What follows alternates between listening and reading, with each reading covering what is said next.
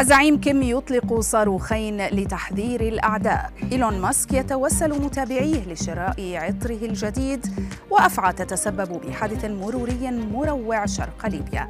أبرز أخبار الساعات الأربع والعشرين الماضية في دقيقتين على العربية بودكاست.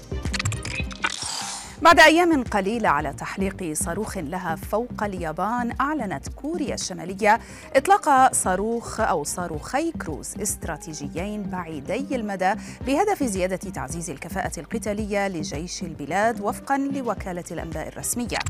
الوكالة أوضحت أن الزعيم كيم يونغ أون قاد التجربة الصاروخية التي أصابت أهدافها بدقة مؤكدة أنه أعرب عن ارتياحه الكبير للنتائج. وقد نقلت الوكالة عن كيم قوله إن التجربة الصاروخية عبارة عن تحذير واضح للأعداء وتطبيق عملي للقدرات القتالية للقوات المسلحة الاستراتيجية النووية لردع أي أزمة عسكرية على حد قوله.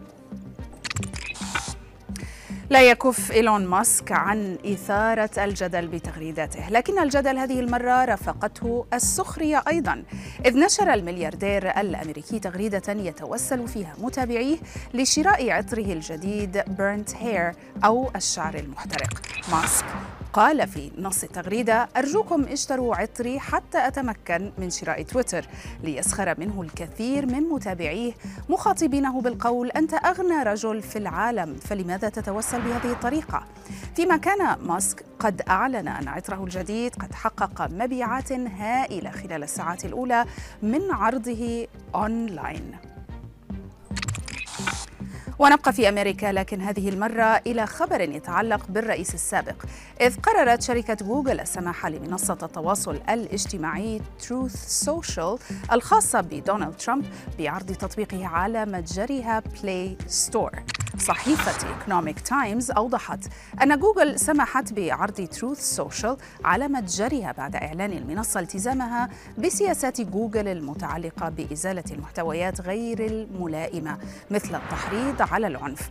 وكانت جوجل أعلنت نهاية أغسطس أن Truth Social غير مرحب به في متجرها حتى يلتزم بقواعد المحتوى. ننتقل إلى ألمانيا الآن. هذه المرة حيث أعلن الادعاء الاتحادي أن الشرطة ألقت القبض على امرأة مشتبه في تورطها في محاولة لخطف وزير الصحة كارل لوترباخ في وقت سابق من هذا العام.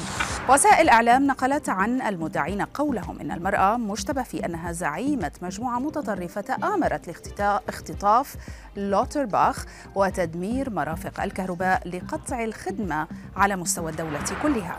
مشيرين إلى أن هذه المجموعة وضعت نصب أعينها هدفا يتمثل في خلق ظروف مشابهة للحرب الأهلية في ألمانيا. وفي خبرنا الأخير تسببت أفعى كوبرا كانت تقطع الطريق بحادث مروري وصفه الكثيرون بالمروع وذلك في مدينة القبة شرق ليبيا. ناشطون على مواقع التواصل قالوا أن الحادث وقع عندما كان السائق يحاول تفادي دهس الأفعى التي كانت تقطع طريقا رئيسيا مزدحما بالمركبات مشيرين إلى أنه فقد التحكم بسيارته ليصطدم بمركبة أمامه بشكل عنيف وينتج عن ذلك انحراف مركبات أخرى على الطريق فيما لم ترد أو ترد أي معلومات رسمية حول وقوع إصابات أو ضحايا.